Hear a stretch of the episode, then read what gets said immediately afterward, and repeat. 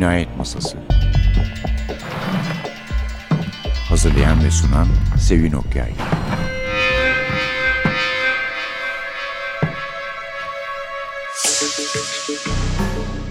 Merhaba, NTV Radyo'nun Cinayet Masası programına hoş geldiniz.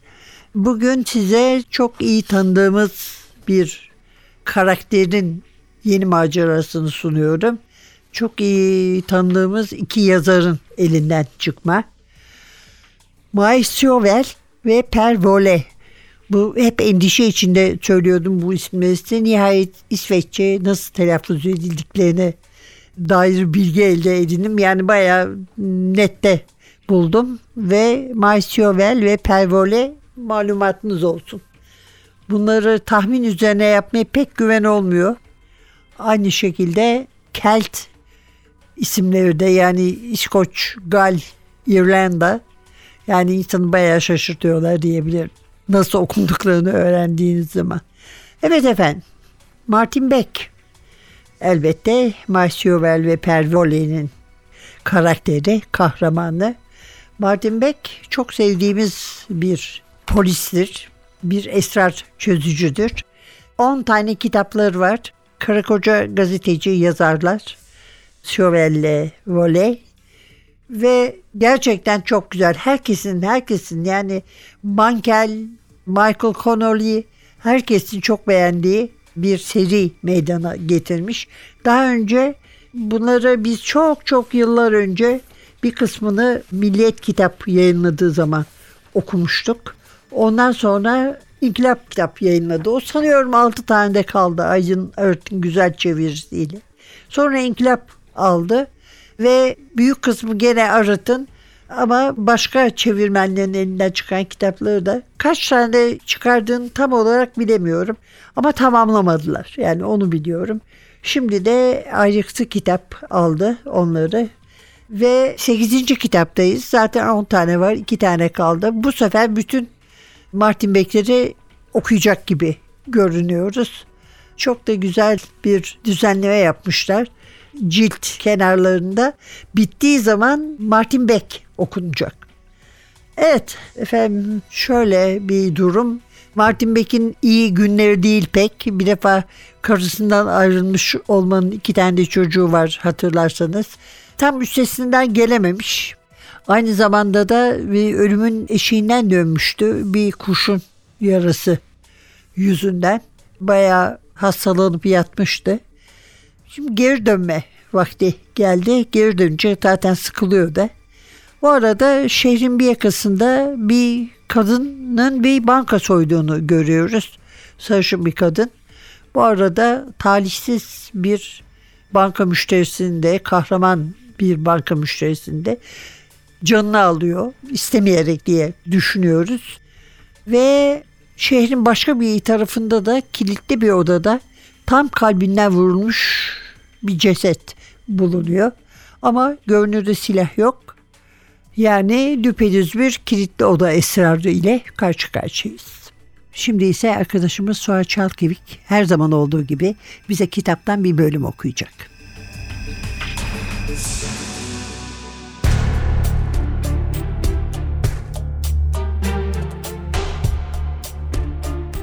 Mauriceson listeye çaktırmadan bakıp taramalı tüfek gibi okudu. Bir düzine erkek kilodu, 15 çift naylon çorap, 6 file atlet, 250 gram siyah havyar, 4 Donald Duck maskesi, 2 paket 9 milimetrelik tabanca mermisi, 6 çift lastik eldiven, Appenzeller peyniri, bir kavanoz kokteyl soğan turşusu, pamuk, bir usturlap.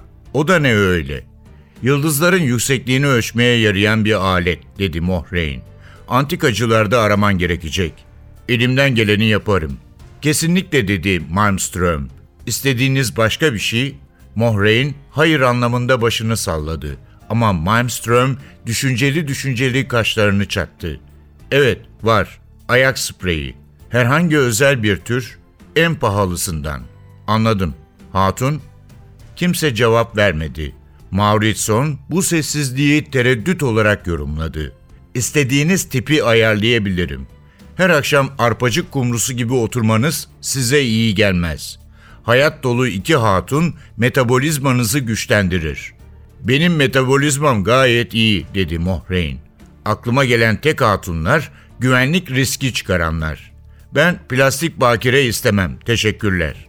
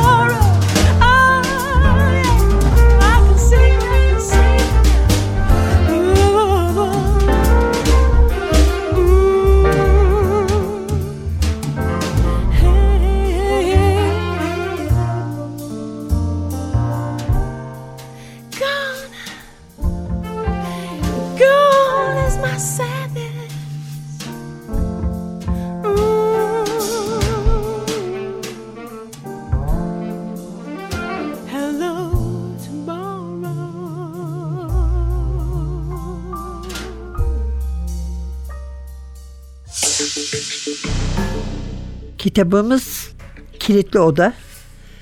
Bir Martin Beck polisiyesi tabii. Ayrıktı kitaptan çıktı. Türkçe'ye çeviren Büge Turan Zurbakis. Şimdiye kadarki bütün kitapları o çevirdi diyebiliyorum. Ve Martin Beck az önce sözüne ettiğim iki olayın yani banka soygunu ve buna bağlı olan cinayetin ve şehrin başka bir tarafındaki kilitli oda esrarının ve oradaki cinayetin birbiriyle ilişkili olabileceğini düşünüyor.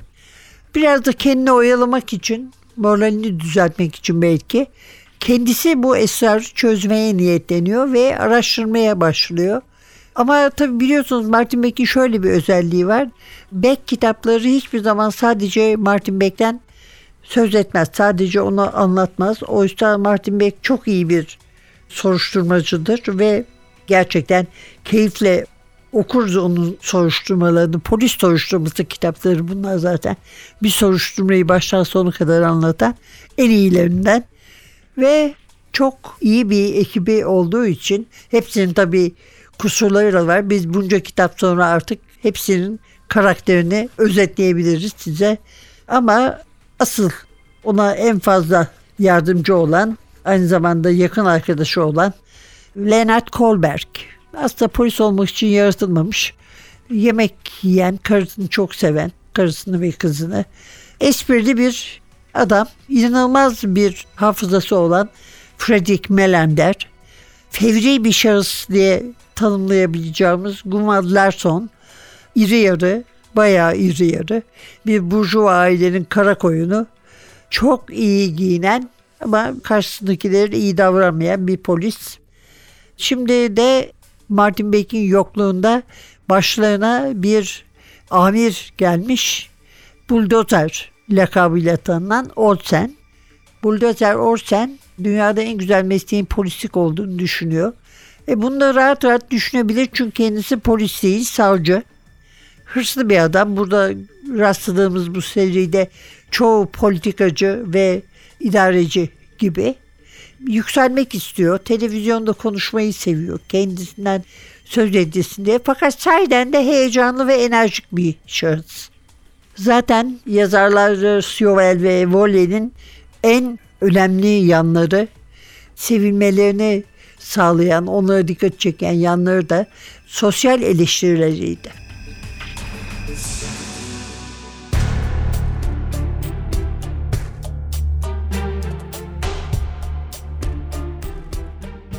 Neden sadece bir tabanca? Cevap basitti. Çünkü yerde kovan yoktu. Rön'ün düşüncesi buna rağmen çok açıktı. Tabanca yerde bir noktada duruyor olmalıydı. Mesela cesedin altında. Bu durumda ne üniformalılar ne oraya göz atmaya giren Gustafsson ceset orada olduğu sürece onu görebilirdi. Ayrıca ceset götürüldükten sonra etrafı inceleyip incelemedikleri de belli değildi. Aldor Gustafsson'u tanıyor musun? Tabii. Rön mutsuz mutsuz sandalyesinde kıpırdandı. Fakat Martin Beck kafasındaki o nahoş soruyu sormaktan kaçındı. Bunun yerine önemli bir nokta daha var. Einar dedi. Neymiş? Christianson ve Kvassmo ile konuşma fırsatın oldu mu? Ben pazartesi günü buraya geldiğimde birisi nöbetteydi. Şimdi biri tatilde ve diğeri de izinde. Evet, ikisini de odama çağırdım dedi Rön. Ne anlattılar peki? Tabii ki beyanda yazılarına sadık kaldılar. Kapıyı açtıkları andan oradan çıktıkları ana kadar daireye sadece beş kişi girmiş. Yani kendileri Gustafsson ve cesedi alıp götüren iki adam. Aynen. Sen de onlara cesedin altına bakıp bakmadıklarını sordun. Tabii ki. Quasmo baktığını söyledi. Christianson kusmaya devam etmiş. O yüzden o daha çok dışarıdaydı. Şimdi Martin Beck tereddütsüzce bıçağı kanırttı. Sence Quasmo yalan mı söylüyordu? Rön'ün cevabı şaşırtıcı derecede uzun bir süre sonra geldi. A dedi ne de olsa diye düşündü Martin Beck. Yani bu durumda çok geçmeden B dememesi için bir neden yok. Rön alnındaki bandajı yokladı. Senin tarafından sorguya çekilmenin hep tatsız bir deneyim olduğunu duyardım. Ne demek istiyorsun? Eh, bunu söyleyenler haklıymış.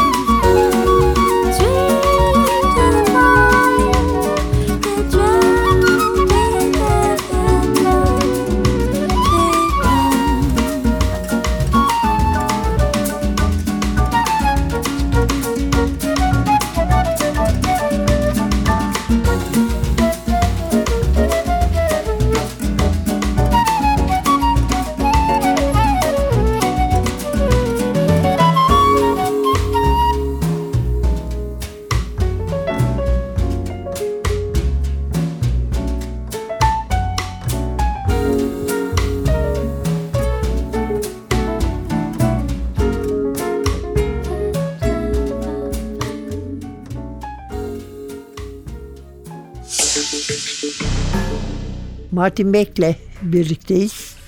Kilitli Oda. Özgün adını söylememiştim. Det Slutna Rummet.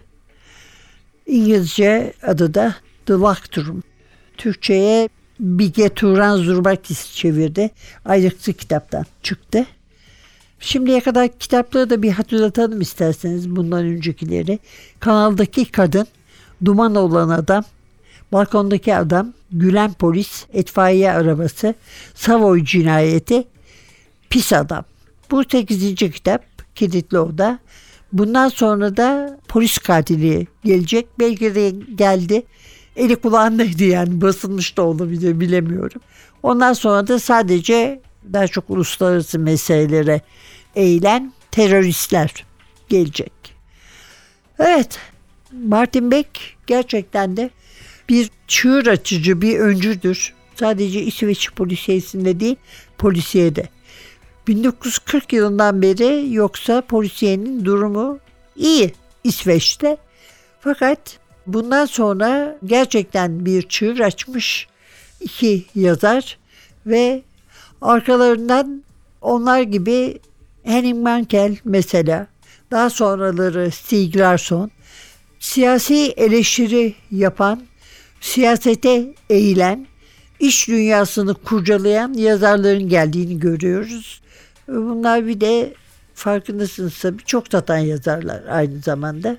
Yani gerçi kendi ülkelerinden daha çok başka ülkelerde satıyorlar.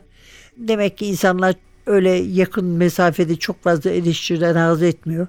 Ama yani gerçekten Michael Connolly ve Henning Mankell gibi çok beğendiğimiz yazarların da onları çok beğendiğini görüyoruz. Yazarları çok beğendiklerini. Erken vakitte bırakmalarının nedeni de Per eşini yalnız bırakarak erken ölmesi. May de o öldükten sonra, kocası öldükten sonra devam etmek istememiş kitaplara. Kitapları bırakmış. Yazarlar devam etmiş ama zaten gazeteci ve şair aynı zamanda. Doğrusu üzücü yani insan böyle gittikçe de olgunlaşarak ve kendilerini tekrarlamadan nasıl geliştiklerini görüyor. En iyi zamanlarında birden bırakmaları okurları için üzünecek bir şey gerçekten. Evet artık veda etme vaktimiz geldi. Size belki çıkmış bile olacağını 9. kitabın polis katilinin yeniden hatırlatıyorum. Dolayısıyla Kilitli Odanın hemen arkasından bir Martin Beck kitabı daha okuyabilirsiniz. Ama ondan sonra bir tane kaldı. Fazla devam etmeyecek yani onu söylemek istiyorum. Evet efendim. Yazarlar May Sjöver ve Per Volle. Karakterimiz Martin Beck. Çevirmenimiz Bilge Turan Zurbakis. Acıktı kitaptan çıkan Kilitli Oda üzerine konuştuk bugün. Önümüzdeki hafta bir başka yazarla, başka kitapla, karakterle aynı gün ve aynı saatte yeniden huzurunuzda olacağız. Prodüksiyonda Atilla ve mikrofonda Sevin.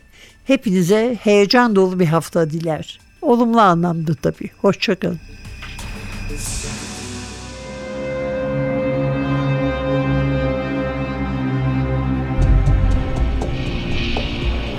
Cinayet Masası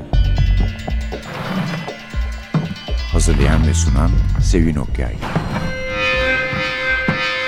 Cinayet Masası sona erdi.